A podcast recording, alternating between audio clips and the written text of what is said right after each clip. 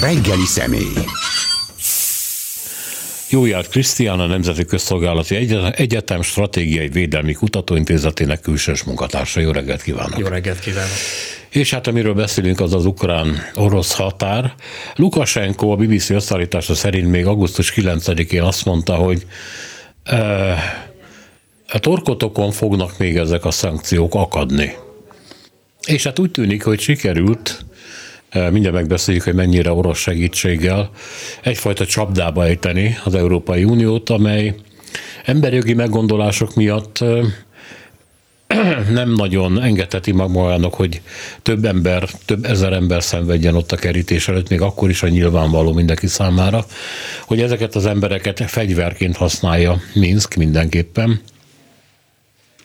Viszont nem nagyon engedhet, Lukasenko kimondatlan kérésére, ami ugye arra irányul az egész cirkusz, hogy az Unió üljön levele tárgyalni, és ahol tárgyalnak, ott vannak engedmények. Tehát nyilván ő a szankciókból akar visszavenni valamennyire. Másrészt pedig ez neki az oroszokkal szemben is jó jön, mert korábban, amikor Oroszország nagyon sietett a közös államszövetség konkretizálásával, akkor ő mindig picit tudott támaszkodni a nyugatra. Hát ennek vége. Hogy látja a helyzetet most? Úgy látom, hogy válságos a helyzet. Azt gondolom, hogy, hogy azt fontos látni, hogy, hogy mi lehet itt a belorusz vezetés megfontolása mögött. Azt gondolom, hogy az, hogy felismerte Minsk, hogy a nyugat számára Belarus fontossága egyenes arányban van azzal, hogy mekkora problémát képes generálni Belarus. Igen. Ma már eljutottunk idáig. És azt gondolom, hogy ez nem egy megalapozatlan felismerése egyébként a belarusz vezetésnek, és nem is kell nagyon messzire tekintenie, hiszen Oroszország rendszeresen él ezzel a ezzel az eszközzel. Ugye talán még emlékszünk arra, hogy idén tavasszal Oroszország körülbelül 90 ezer katonát vezényelt az ukrán határa. Ugye ennek az egyik eredménye az lett, hogy Biden felhívta Putyint, és találkozót javasolt, amire sor is került ugye Genfben, tehát látszott az, hogy ezzel az erődemonstrációval elérte azt Oroszország, amire egyébként valószínűleg nem került volna sor ilyen korán, hiszen előtte orosz és és nyugati külpolitikai jellemzők is azt mondták, hogy a legtöbb, ami várható az az, hogy talán a ciklus első felének végén sor kerül majd egy négy szemközti találkozóra Putyin és Biden között, Ugye ezzel szemben már az első fél évben sor került erre. Másrészt ugye láttuk azt, hogy 2015-ben az EU megállapodott Törökországgal is, hogy feltartóztassa hogy az akkori több milliós menekült áradatot. Ugye Szergej Lavrov orosz külügyminiszter egészen nyíltan erre is utalt, amikor azt mondta, hogy talán az EU-nak fel kellene függeszteni ennek a kettős mércének az alkalmazását, hiszen hogyha Törökországgal meg tudott állapodni, akkor talán fizethetne Belarusnak is. Ö, harmadrészt pedig hát ugye azt is látjuk az elmúlt évtized sikeres nyugati nyitása Belarus szempontból, az nem annak volt köszönhető egyébként, hogy a belarusz belpolitika bármennyit is demokratizálódott volna, pusztán annak, hogy volt egy olyan válsághelyzet, amit ugye nem ugyanakkor, ugye, ugye akkor azt nem Belarus okozta, ugye itt a Krímfelsziget orosz annektálására kell gondolni, de nagyon jól meg tudta ezt Minsk lovagolni azáltal, hogy úgy tüntette fel magát a nyugat szemében, hogy ő egy közvetítő egyrészt, másrészt pedig, hogy Lukasenka személye az mely garanciát jelent arra, hogy Oroszország Oroszország nem foglalja el, nem szállja meg Belaruszt, és nem csatolja magához. Most úgy látszik, hogy a belarusz állami vezetés próbál egy újabb ilyen külpolitikai válságot generálni, amit arra tudna felhasználni, hogy ismét normalizálja valamilyen mértékig a Belarus-EU kapcsolatokat.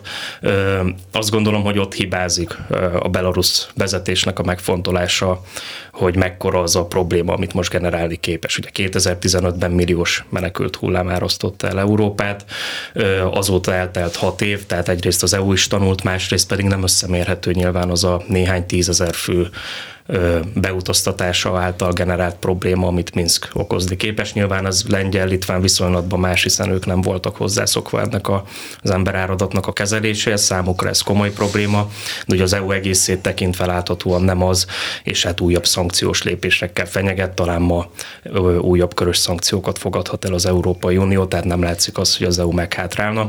Ugyanakkor tegnap sor került egy telefonbeszélgetésre Ugye Josep, Borrell, az EU külügyi főképviselője és Vladimir Makkely, belarusz külügyminiszter között. Tehát legalább azt már elérte Minsk, hogy újra tárgyaljon az EU azzal a Lukasenka féle rezsimmel, aminek a legitimitását ugye a tavalyi elcsalt választások óta az EU nem ismeri el. Hát, hogy ezek a szankciók mik lesznek, mert amit előzetesen lehetett olvasni, az gyakorlatilag a, a belorusz elit mozgás szabadságát próbálja korlátozni az Unióban, tehát ez még önmagában nem egy olyan nagy tétel.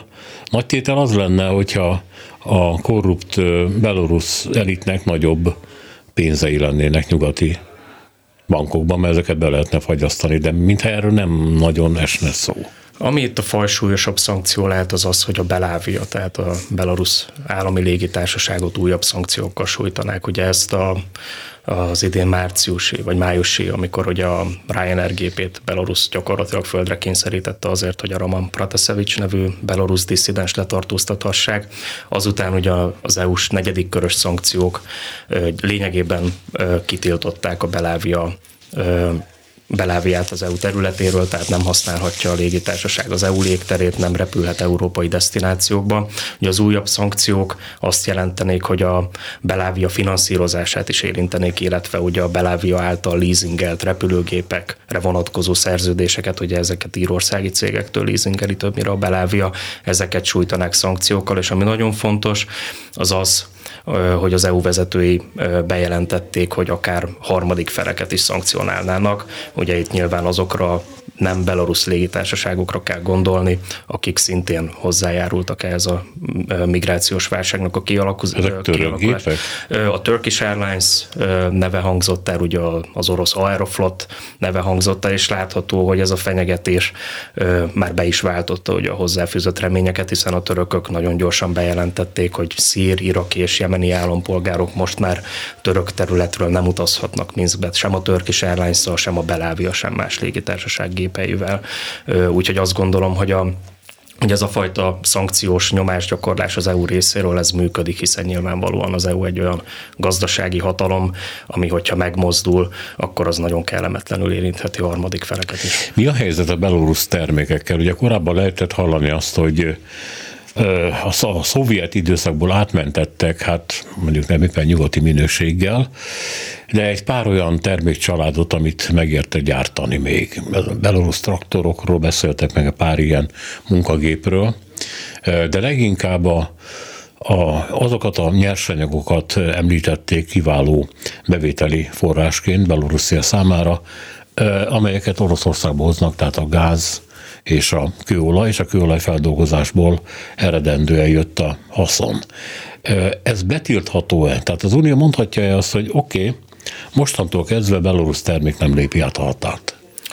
Hát nyilvánvalóan a korlátozó tényező az az, hogy ez mennyire okozna fájdalmat az EU számára, az EU, EU-s országok számára. Ugye itt a kálisó az, ami a műtrágya gyártáshoz egy nagyon fontos alapanyag aminek az exportját már részben érintették a negyedik körös EU szankciók, ugye ennek csak a, az elkövetkező, tehát a már megkötött szerződésekre ez nem vonatkozott. Ezeket jellemzően öt évente tárgyalják újra, tehát hogy ennek majd a hatását évek múltán fogjuk érzékelni, ha még akkor életben lesznek ezek az EU szankciók. Azt gondolom, hogy itt a kőolajtermékek, földgázra bevezetett szankció, hát a földgázra nyilván azért is, hiszen nyilván Belarus csak tranzitország, ugye a maga Belarus gázinfrastruktúra infrastruktúra is egyébként a Gazprom kezében van, tehát amikor ugye Lukasenko azzal fenyegetett, hogy itt akár elzárhatja a gázcsapot, akkor azért Putyin hát a Putyin kijelentése az így is úgy is értelmezhető volt, de úgy is értelmezhető volt, hogy nyilvánvalóan ez nem egy jó ötlet, hogyha Lukasenko ezt meglépi. Ugyanakkor nyilván azt is jelezte Putyin, hogy hát Lukasenko ezt megteheti, tehát hogyha odáig eszkalálódna a feszültség, akkor akár erre is sor kerülne, de hát nyilván az orosz érdeket is sértene, tehát azt nem akarhatja sem a Gazprom, sem az orosz állam, hogy úgy tűn, tűnjön fel, mint egy megbízhatatlan szállító. Ugye a kőolajtermékek szankcionálása pedig pedig nyilvánvalóan azt a kérdést veti fel, hogy mennyire fájna ez magának az EU-nak is. Tehát azt gondolom, hogy itt a szankciók korlátját az leginkább azt szabja meg, hogy mennyire okoz veszteséget az EU vagy bizonyos EU országok számára is. Mit lehet tudni az orosz részvételről? Említette az Aeroflotot. Mások szerint az oroszok tevékenyen, tehát mit tudom én, katonai jelenléttel is segíthetik a belorusz katonai műveleteket. Ugye itt arról van szó, hogy Törökországon keresztül behoztak embereket, illetve, hogy állítólag mindenféle belorusz cégek, ilyen hirtelen alapított cégek gyűjtögettek embereket. Szíriában, Irakban, Törökországban, nyilván a táborokban,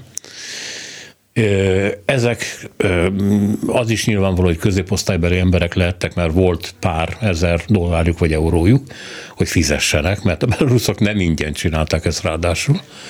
Azzal, hogy a lengyel határ nyitva van, és el lehet menni Németország. És akkor így elkezdődött a szállítás, Minszbe ezeket az embereket, ahonnan utaztatták őket valami szállásra, és onnan buszokkal a határra. Na most ebben az egész láncolatban, az Aerofloton kívül, amelyik besegített, látható-e az orosz kéz bármiben is? Nem, nem látható egyelőre, nincs erre vonatkozó bizonyíték. Nyilván a lengyel, litván, balti, ukrán narratíva az az, hogy itt Lukasenko egy báb, nyilván itt az értelmi szerző az maga Vladimir Putyin és Oroszország, de erre vonatkozó bizonyítékot egyébként ők sem prezentáltak. Az, hogy ez Belarus meg tudja valósítani, nem látom, hogy, hogy miért volna szükség Oroszország aktív részvételére, tehát ahogy ön is említette, itt utazási irodákon keresztül a Belarus nagykövetség állítja ki nyilván a vízumokat, Belarus légitársaságok utaztatják be, illetve kisebb részben nyilván más légitársaságok, akiknek nyilván piaci érdeke az, hogyha megvekszik a repülőjegyet, akkor nyilván szállít szállítsák el az embereket. Szervezett módon ugye, akik beérkeztek, migránsok, azokat terelik a belarusz-lengyel, illetve a belarusz-litván határa, tehát nem látom azt, hogy itt Oroszországnak aktívan részt kellene vennie. Ugyanakkor az nehezen elképzelhető, hogy Oroszország ne tudna erről, tehát hogy Lukasenko ne egyeztetett volna Oroszországgal, és hogy Oroszország ne adta volna áldását erre az egészre. És hát ugye azt is látjuk, hogy Oroszország akár a politikai vezetés, akár az orosz propaganda média, állami média az beállt egyértelműen Lukasenko mögé, tehát Putyin, Putyin felhívta Merkel, hogy tárgyaljanak, gyakoroljon nyomást Minskre, ugye Putyin elhárította magától a megkeresést azzal, hogy, hogy ő úgy látja, hogy hogy a Lukasenko is nyitott arra vonatkozóan, hogy közvetlenül tárgyaljon az Európai Unióval, tehát akkor az Európai Uniónak talán Belarusszal kellene egyeztetni. Szergej Lavrov is, ahogy már említettem, ugye azt mondta, hogy az EU akár meg is egyezhetne Belarusszal, akár fizethetne is, ahogy fizetett annó Törökországnak. Tehát egyértelműen beállt Oroszország e mögé, az egész mögé, de azt, hogy tevékenyen részt venne ebben bármilyen formában, azt, azt egyelőre nem látni. És hát, de talán ezzel kellett volna kezdeni, mert a média nem teszi ezt meg igazából, de ugye sok ezer embernek a életéről vagy haláláról van szó, beállnak a fagyok, ott öregek, gyerekek meghalhatnak. Annak ellenére egyébként, hogy a Belarus fél, mintha megpróbálna nem az emberi ilyesség szabály szerint viselkedni, hanem éppen a halálokat és az ebből következő vádokat elkerülni, szállítod a kaját, meg pokrócokat, meg valamit, de hát ez persze édes kevés. Tehát, hogy mi a, a jogi helyzete ezeknek az embereknek? Mihez van joguk, mihez nincs joguk? Latman Tamás nemzetközi jogász azt mondta, hogy mikor fölvetettem, hogy hát ki olyan szürke zónában vannak, ami a két határ között van, szerint ez nem létezik ez a fogalom, már most a média naponta használja ő azt mondja, hogy ahol az egyik határ véget ér, ott következik a másik. Akkor nem tudom, hogy ezek az emberek igazából kinek a területén vannak. Kettő. Jogosultak-e bármilyen védelemre úgy, hogy nem tudni, hogy mennyiben menekültek, és mennyire gazdasági menekültek. Nyilván vannak köztük olyanok, akik csak a megélhetés okán szeretnének jobb helyet találni maguknak. Lehet-e, hogy mondjam, egy másik által, másik állam által, tehát állami terrorizmus használva odaszállított embereket nyakába varni egy másik államnak, már bocsánat, ilyen csúnyán fogalmazok, de ugye jogi keretekről beszélünk. Mit gondol erről? A nemzetközi jog vizére nem annyira eveznék, különösen ugye annak fénye majd Latman Tamás megnyilatkozott ebben a kérdésben hogy egy egészen kiváló szakember, úgyhogy ezt hárítanám. Én úgy látom, hogy, hogy egész egyszerűen nyilván azok a menekültügyi nemzetközi szabályozások, amik hivatottak ennek a helyzetnek a kezelés egyszerűen nyilván a jogalkotók nem tudták elképzelni, hogy egy ilyen forgatókönyv valaha bekövetkezhet, hogy egy állam szervezet módon rázódítja a migránsokat fegyverként használja egy másik állammal szemben, úgyhogy, úgyhogy nyilván azt gondolom, hogy itt a nemzetközi jogi hízag erre vonatkozóan abból fakad, hogy erre, ezt, erre nem, nem láttuk ezt jönni, nem voltunk felkészülve erre. Hát nyilván Lengyelországnak, hogyha nyilván csak humanitárius szempontokat mérlegel, és ugye nem látnánk azt, hogy itt egy államilag megvalósított embercsempészet van a háttérben, akkor, akkor valójában valószínűleg nem lenne sok lehetősége mérlegelni, hát el kellene bírálni ezeknek az embereknek a menekült kérelmét.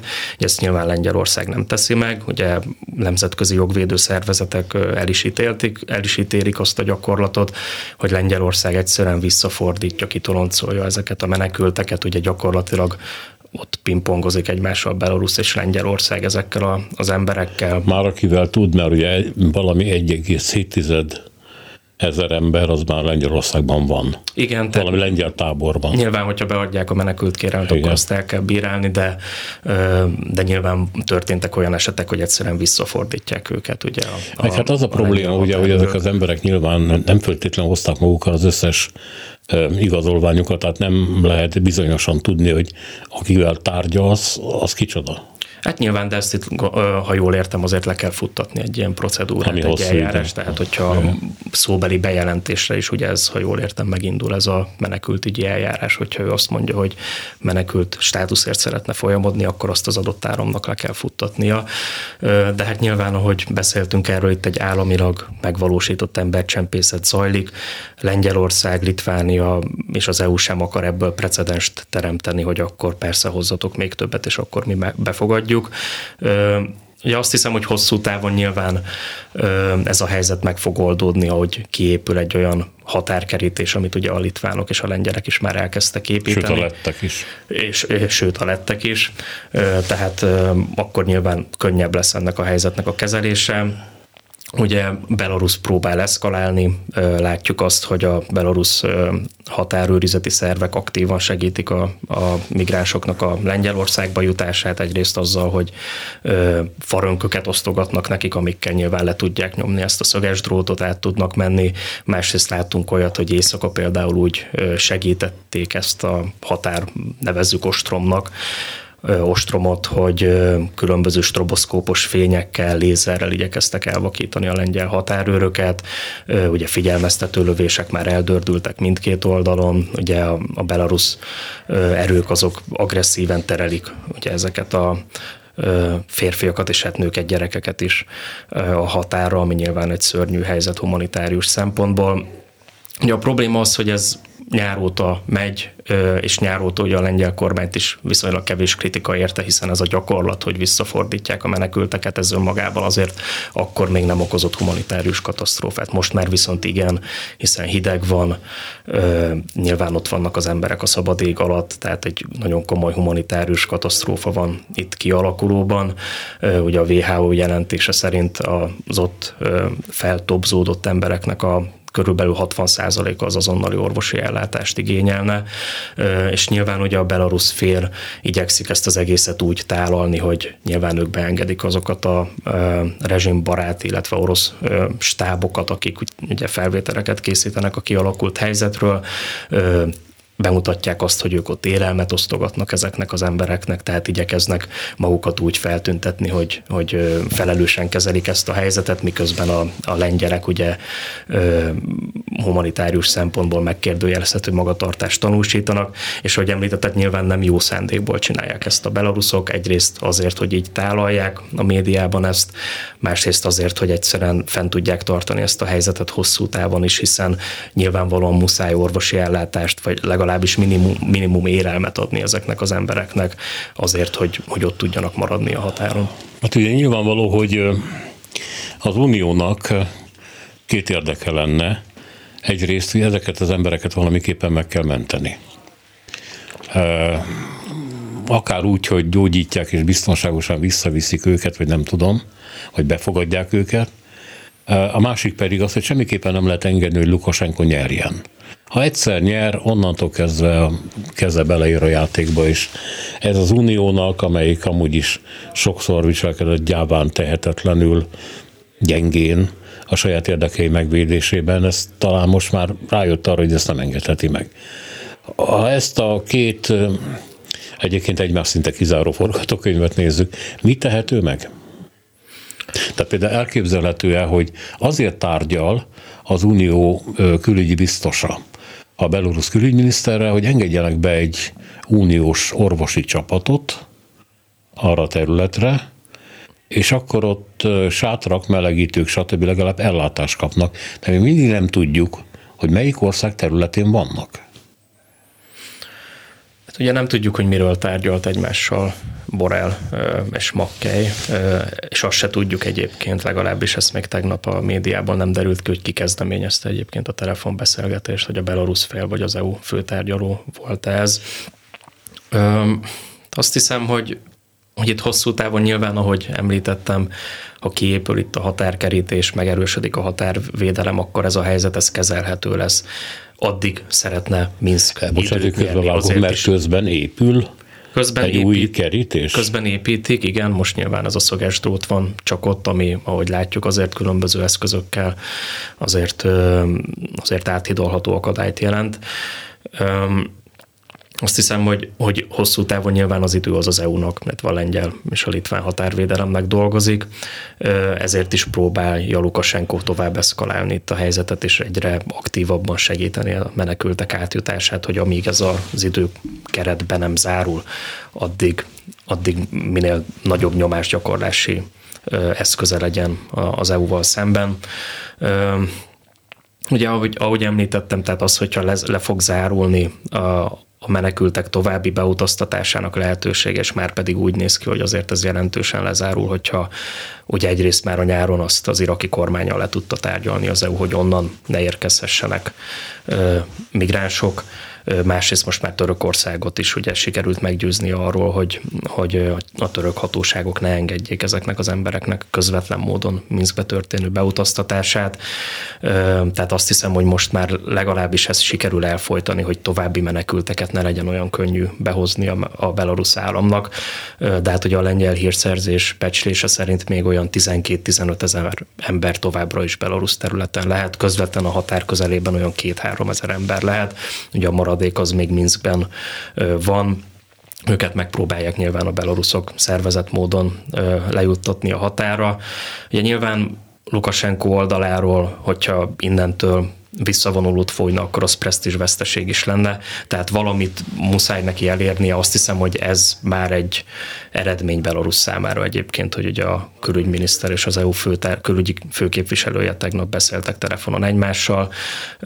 Tehát innentől lehet, hogy hogyha valami megállapodásra sikerül jutni, akkor, akkor talán Belarus sem fogja a helyzetet tovább eszkalálni. Ugye a hosszú távú megoldást azonban nem látni még ennek a helyzetnek. Amikor a helyzet elkezdett romlani, akkor a lengyelek a NATO-hoz fordultak segítségért. Ugyanis az világos, hogy egy NATO ország határát érte támadás egy másik ország állam, által, amely másik ország élő embereket használt fegyverként. Tehát nem lőtték a hanem embereket vittek oda, használtak föl, kockáztatva az életüket, a jövőjüket, minden gyakorlatilag, aminél hát kevés nagyobb bajasság van.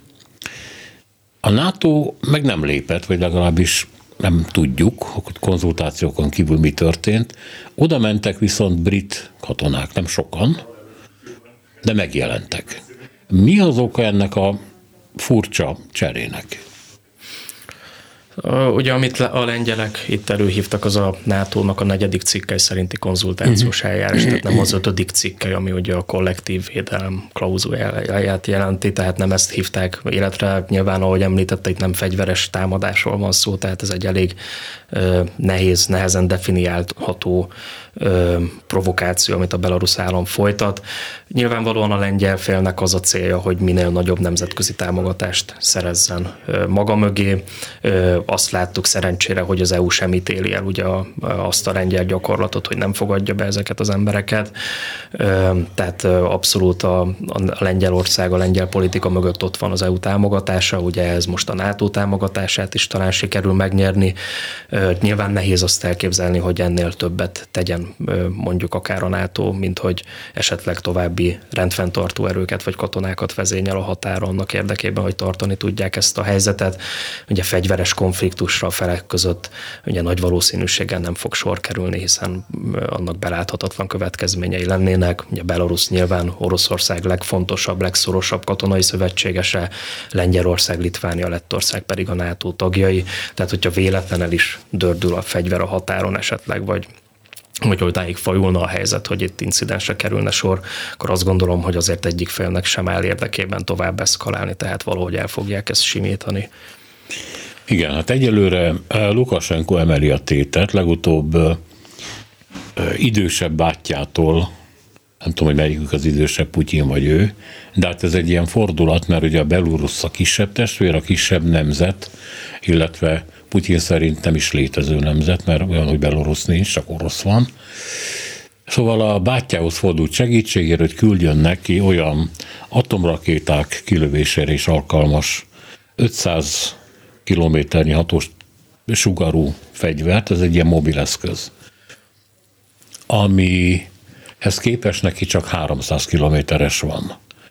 És hát akkor ez az egész olyan gyanús, hogy nem mindegy, hogy 300 vagy 500, tehát ez, ez nyilvánvalóan ez csak egy ilyen eh, riogatása a nemzetközi közösségnek, hogy, hogy az oroszok megjelennek a saját eszközeikkel ott.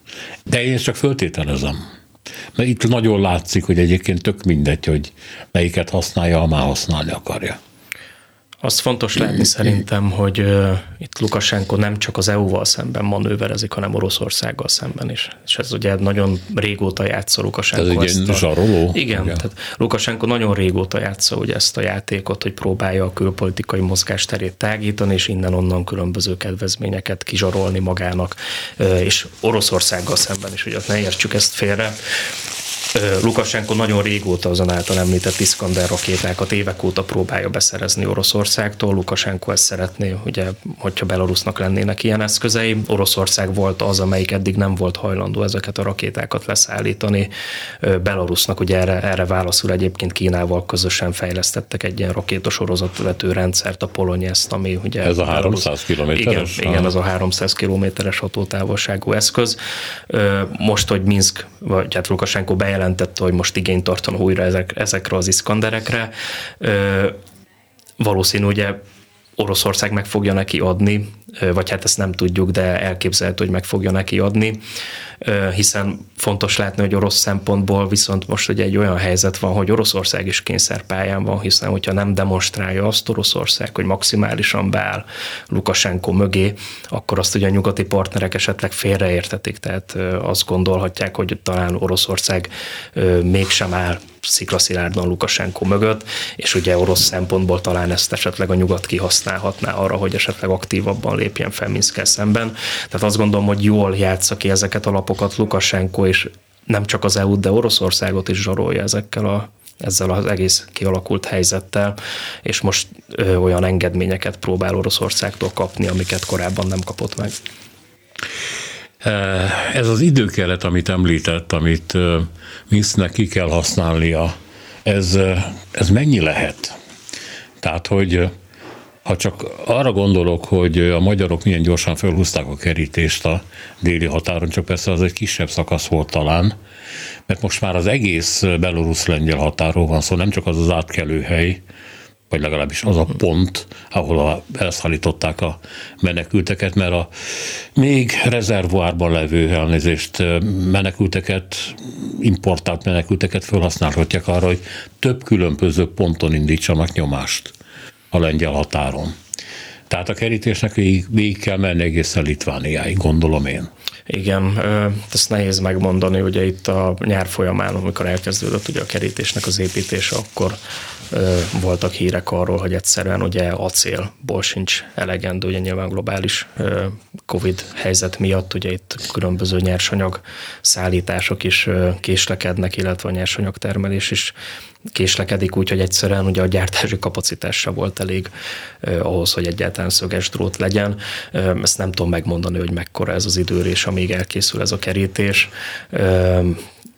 Ugye ha a kerítés nem is készül, hogy azt látjuk, hogy már 15 ezer lengyel katona van a határon, ugye lettek most, ha jól emlékszem, 3 ezer főt csoportosítottak. De ott érdekes módon önkéntesekkel van dúsítva, mint ha nem lenne elég katonájuk igazából. Igen, hát meg ugye erre a feladat, ennek a feladatnak az ellátása azért valószínű önkéntesek is teljesen alkalmasak, tehát felesleges ezért a teljes védelmi kapacitást lekötni, amikor nyilván ahhoz, hogy itt élő lánccal fogják a határt, ahhoz az önkéntesek vagy tartalékosok is teljesen elegendő eszköznek bizonyulnak. Tehát azt gondolom, hogy azért hosszú távon kezelni fogják ezt a helyzetet. Lehet, hogy részben kezelni fogják úgy, hogy nyilván az EU más tagállama is azért be fog fogadni menekülteket, ha nem is olyan látványosan, de hát nyilván ez a pár ezer ember, ugye összevetve a 2015-ös nagy válsággal, amikor milliók jöttek Európába és százezreket fogadtak be, tehát nyilván egy Németország számára további ezer-kétezer ember befogadása az, az, az nem egy nem egy komoly probléma, tehát nyilván itt a lengyel-litván dimenzió az, ahol, ahol ez, ez problémát jelent. Azt gondolom, hogy, hogy az EU-s szolidaritás ez meg fogja oldani ennek a helyzetnek a kezelését. Orosz katonák, említette a korábbi fölsorakozás az ukrán határ mentén, és szóba került már korábban az, hogy az oroszok kapnak hat támaszpont lehetőségeket Belorussziában. Ez a legutóbbi bejelentés, hogy tudnék az államszövetséget gazdaságilag megalapozzák, létrehozzák, ha úgy értem működőképessé teszik, ebben szerepele a katonai jelenlét? Nem, nem szerepel, pontosabban nem tudjuk, hogy tételesen mik vannak ebben az úgynevezett 28 Darozsnyakárti, tehát ilyen útfala terv, út, úti terv, integrációs terv 28 programjának pontos elemeit ugye nem ismerjük tételesen, de nincs benne ilyen katonai bázisra vonatkozó elem. Ugye a katonai bázis kérdése fontos látni szerintem azt, hogy hogy Oroszországnak nem feltétlenül érdeke ez, Lukasenkónak meg még inkább nem érdeke az, hogy orosz katonai bázis legyen Belarus területen. Ugye jelenleg két orosz katonai objektum van Belarus területen, nagyrészt Belarus személyzettel feltöltve, működtetve, ugye egy korai előrejelző radarállomás, illetve egy haditengerészeti kommunikációs átjátszó állomás. Ugyanakkor az orosz katonai jelenlét rotációs alapon, tehát hadgyakorlatok, kiképzések formájában lényegében állandósult Belarus területén, de effektíve katonai bázis nincs. Oroszország nagyon régóta próbál egyébként egy légibázist létrehozni Belarus területen, ezt Lukasenko ez idáig hárította, és most is elhárította, most vannak orosz vadászgépek már Belarus területen, de ezek Belarus légibázisokon közösen Belarus pilótákkal repülnek és védik ugye a, a közös belorusz-orosz légteret, tehát ugye a katonai bázis létesítés az Oroszország számára valami féle garanciát adhatna arra, hogyha megtörténik esetleg ne adj Isten, egy nyugatos fordulat Belarusban, akkor a katonai bázis is önmagában egy olyan eszköz lehet Oroszország számára, ami, ami nyilván meggátolhatja azt, hogy, hogy Belarus a nyugati integráció útjára lépjen, illetve bármely Belarus politikai elitet elrettenthet attól a gondolattól, hogy ezt megtegye. Lukasenko szempontjából azonban ez nem jár előnyekkel, sőt, sőt, hát ugye azt látjuk, hogy hogy azért is hárította eddig Lukasenko, és azt is, hárítja el most, hiszen ez Lukasenko szerepét értékelné le Oroszország számára, hiszen Lukasenko jelenti most jelenleg Oroszország számára a legfőbb garanciát arra, hogy Belarus nem fog a nyugati integráció útjára lépni. Ha a katonai bázis megvalósulna, akkor nyilván ez leértékelni Lukasenko szerepét. Na most van egyrészt a faltörőkor szerepét játszó Lukasenko, illetve Belorusszia és a Lengyelország közötti konfliktus, nevezzük finoman, ami hát persze kiterjed Litvániára és Lettországra is. És van a másik konfliktus, ami viszont az ukrán politikusok által naponta megjelenő, bár elég zavaros módon, hogy tűnik Oroszország támadásra készület Ukrajna ellen.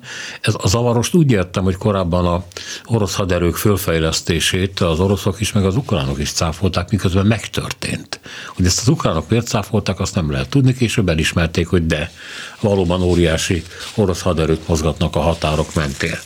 E, van a másik, ez a Fekete-tenger, ahol megjelentek, megjelent egy amerikai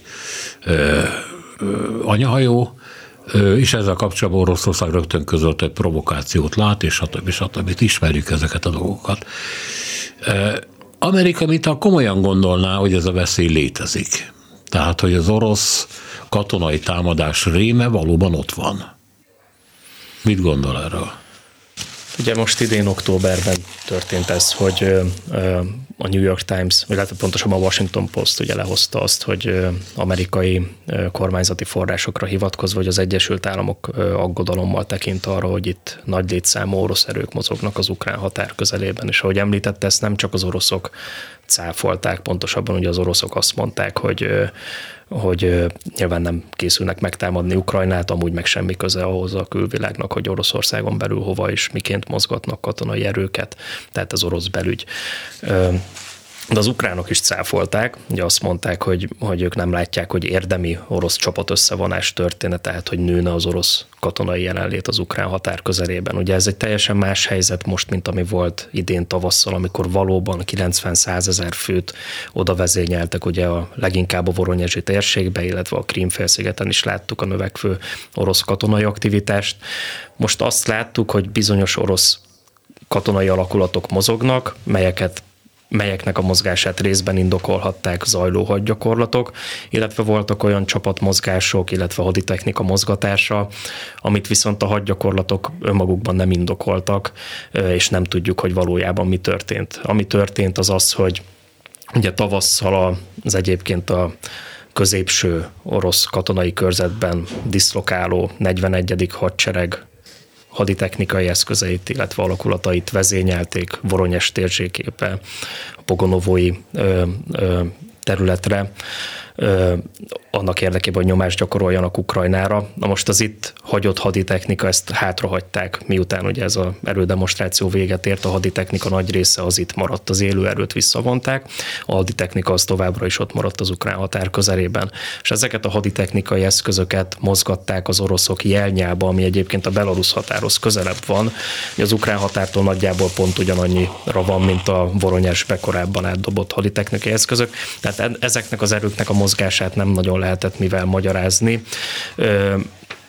Katonai szakértők arra mutattak rá, hogy egyébként indokolhatta a haditechnika átcsoportosítását az, hogy ott a pogonovói gyakorlótéren nem áll rendelkezésre olyan infrastruktúra, mely a haditechnikai eszközöknek a szervizelését, illetve téri letárolását lehetővé tenni.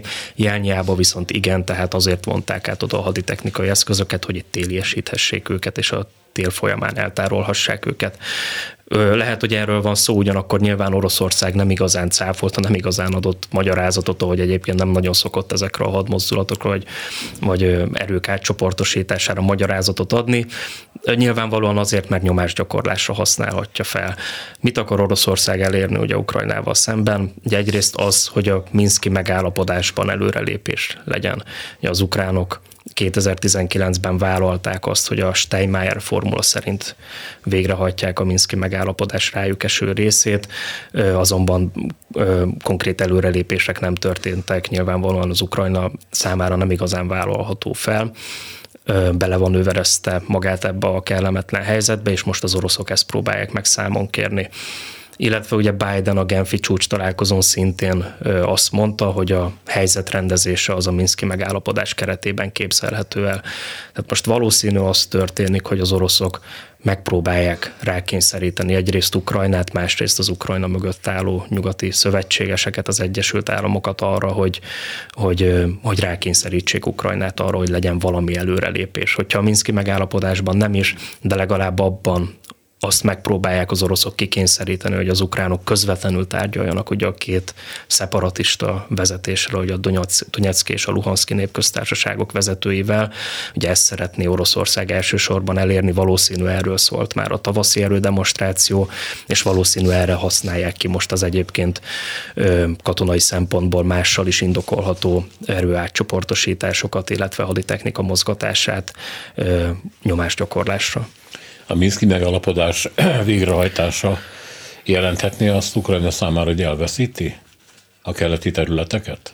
Nem, éppen ellenkezőleg ugye azt jelenteni a Minszki megállapodás végrehajtása, hogy ezek a területek különleges státuszt garantálna Ukrajna számukra, és visszakerülnének ugye ukrán fennhatóság alá. Ugyanakkor nyilván, és ez az orosz érdek, a két területen keresztül Oroszország befolyásolni tudná az ukrán külpolitikát, tehát adott esetben ugye a nyugati integrációt azt akadályozni, hát blokkolni hogy Azért, hogy Ukrajna nem hagyja végre ezt a dolgot, hát és közben Oroszország, amelyik orosz útleveleket osztogat az ott élőknek, és gyakorlatilag orosz állampolgárá teszi őket, és nyilvánvaló, mivel orosz származások jó részük, a lojalitásuk Moszkváé. Hát én megértem, hogy, hogy Ukrajnának nagyon nehéz ezt a dolgot így egyszerűen csak úgy lenyelni. Abszolút, tehát hogy ez politikai értelemben nyilván ez egy trójai falu helyzet lenne, hát tehát igen. hogy ez igen, a, igen. tehát a két szakadár terület az blokkolni tudná uh, Ukrajna külpolitikai mozgását. Hát gyakorlatilag, hát most is ott van fél lábbal, igen. de akkor ott lenne maga teljes valóságában. Igen, igen. És ugye azt gondolom, hogy maga ez a status quo, ami jelenleg van, ez igazából kezelhető Ukrajna számára is. Tehát tudjuk azt, hogy óriási összegekkel járna az, hogyha ezeket a területeket ténylegesen visszaintegrálnák Ukrajnába, tehát olyan leromlott infrastruktúra, hogy a háború miatt elaknásított területek aknamentesítése, különböző olyan ökológiai katasztrófával fenyegető dolgok vannak itt, ugye, ugye egyrészt ugye a haditechnika, vagy a hadianyagok felhalmozása miatt, másrészt ugye különböző bányák, stb. működnek ezekbe a területeken, tehát itt, itt dollár 100 milliárdokat elkölthetne Ukrajna arra, hogyha tényleg vissza akarna integrálni ezeket a területeket. Hogy azt gondolom, hogy Ukrajna számára az a fontos, hogy itt béke legyen, ne legyenek átlövések, amik időről időre előfordulnak. Oroszország számára viszont önmagában a béke az, az nem szempont, tehát hogy azt látjuk, hogy időről időre itt azért felforrósodik a helyzet, nem függetlenül attól, hogy mi éppen az orosz külpolitikai cél, tehát hogyha ők be akarnak fűteni, nyomást akarnak gyakorolni Ukrajnára, illetve a nyugati szövetségesekre, akkor Oroszország ezt megteheti azáltal, hogy, hogy hogy felfokozza a, a konfliktus intenzitását. Hát igen, és itt a NATO, meg az Európai Unió szintén csapdahelyzetben van. Egyrészt, mert Ukrajnát szövetségesként kezelik, sőt, Ukrajna azt állítja, hogy tulajdonképpen csak a magyarok ellenkezése miatt nem lehet a NATO tagja, amit én őszintén szólva nem hiszek, hogy a NATO-nak olyan rettentő nagy érdeke lenne egy egyébként háborús konfliktussal küzdő országot befogadni, és ezáltal belerángatni a nyugatot egy olyan konfliktusba, amit senki nem akar. Tehát én nem gondolom, hogy a NATO tagság reális, de hát az uniós tagság sem, mert annyi pénz már végleg nincs, hogy, hogy, hogy Ukrajnát kiemeljék abból a kátyúból, amiben van, ami egyébként elképesztő, tehát mindenki, aki kelet-európai vagy közép-európai szakértés megfordult Ukrajnában, és megpróbálták megnézni, hogy mit tehető azzal az országgal, hát így ilyen föltett kézzel jöttek ki. Hogy annyi pénz a világon nincs. És hát pláne egy olyan struktúrája van a gazdaságnak, meg a politikai, meg a különféle oligarchikus érdekek összefonódásának, hogy ez így, ez így önmagában menthetetlen. De Ukrajna viszont megpróbálja használni a nyugatot hogy azzal zsarolja Oroszországot, hogy mindjárt belépek a NATO-ba, vagy mindjárt itt lesz az EU, és így tovább. Igen, hát ugye az ukrán külpolitikai célt azért nem vitatnám el, tehát az, az látható nyilván, hogy a, a 2013-as, 2014-es Majdon forradalom is arról szólt, hogy hogy Ukrajnának, a lakosságának egy jelentős része az a nyugati integrációt szeretné nem Oroszországhoz közelebb kerülni. Az, hogy ennek mennyire van realitása, hogy említette, nem igazán van. És nem csak azért, mert Magyarország blokkolja, vagy blokkolná adott esetben Ukrajna NATO tagságát Németország sem szeretné, és még sokan mások se szeretnék, hogyha Ukrajna belépne a NATO-ba. Ugye jelen formájában nyilván nem is tudná ezt megtenni, hiszen a területén ugye konfliktus folyik, ugye ez alapból kizárja a NATO tagság lehetőségét, nyilvánvalóan ezért is teremtette ezt a helyzetet Oroszország, hogy hosszú távon el lehetetlenítse Ukrajna nyugati integrációját. Ugyanakkor az fontos látni, hogy, folyamat, tehát, hogy van egy folyamatos közeledés, van egy folyamatos növekvő együttműködés Ukrajna és a különböző NATO országok Amerika között, illetve az Egyesült magát, Államok igen. ugye igen. rendszeresen nyújt különböző haditechnikai segítséget, illetve katonai támogatást Ukrajnának, ugye itt ez ilyen közel egy milliárd dolláros éves támogatást jelent. Tehát tehát Ukrajna minden szempontból, ha az ukrán haderőt megnézzük, sokkal jobban áll, mint állt 2014-ben. Oroszország számára valószínű az lenne a fontos, ahogy egyébként egy orosz külpolitikai elemző ezt egy cikkben a nyár folyamán leírta Vladimir Frolov, hogy egyfajta finlandizáció történne Ukrajna esetében, tehát mint hogy Finnország a, a hidegháború során egyfajta semleges státuszt élvezett, Oroszország beérni azzal, hogyha Ukrajna is valami írásos garanciát adna arra vonatkozóan, hogy, hogy egyrészt nyilvánvalóan nem fog a NATO tagja lenni, illetve az EU tagja, másrészt pedig a területén sem fognak állomásozni amerikai vagy más kontingensek, nem fog bizonyos támadó fegyvereket beszerezni mondjuk Oroszországgal szemben, tehát egyfajta semleges státuszt biztosítana, és ezt garantálná szerződésben, és ez valószínű ez az az eredmény, amivel Oroszország beérni. Hát, de ebbe beletartozna, hogy Gazprom elindítsa újra a gázszállítást Ukrajnán keresztül. Vagy nem mert ezt nem teszi meg Ukrajna, soha nem, az életben nem fog ebbe belemenni, hiszen gyakorlatilag több milliárd dollártól fosztják meg az oroszok ebben a pillanatban az országot. Hát egyrészt másrészt ugye belpolitikailag sem vállalható ez talán Ukrajna számára, hogy háborúban áll gyakorlatilag hat éve már Oroszországgal, és hát azért, hogy és az alkotmányban is foglalták, ugye, hogy Ukrajnának törekednie kell a nyugati integrációra, tehát hogy ezzel szemben legyen egy olyan ukrán kormány, ami azt mondja, hogy akkor hat éve hiába háborúzunk, és akkor véget vetünk ennek a nyugati integrációs törekvésnek, ez belpolitikailag is vállalhatatlan valószínű. Igen, elég reménytelennek tűnik az egész ebben a pillanatban. Köszönöm szépen, hogy itt volt velünk. Köszönöm a lehetőséget. Jójár Krisztián, a Közszolgálati Egyetem Stratégiai Védelmi Kutatóintézetének külsős munkatársa volt itt velünk. Budai Márton, Balogh Kármán, Zsidai Péter, Herskovics Eszter és Szénási Sándor köszöni a ma reggeli figyelmüket is. Minden jót!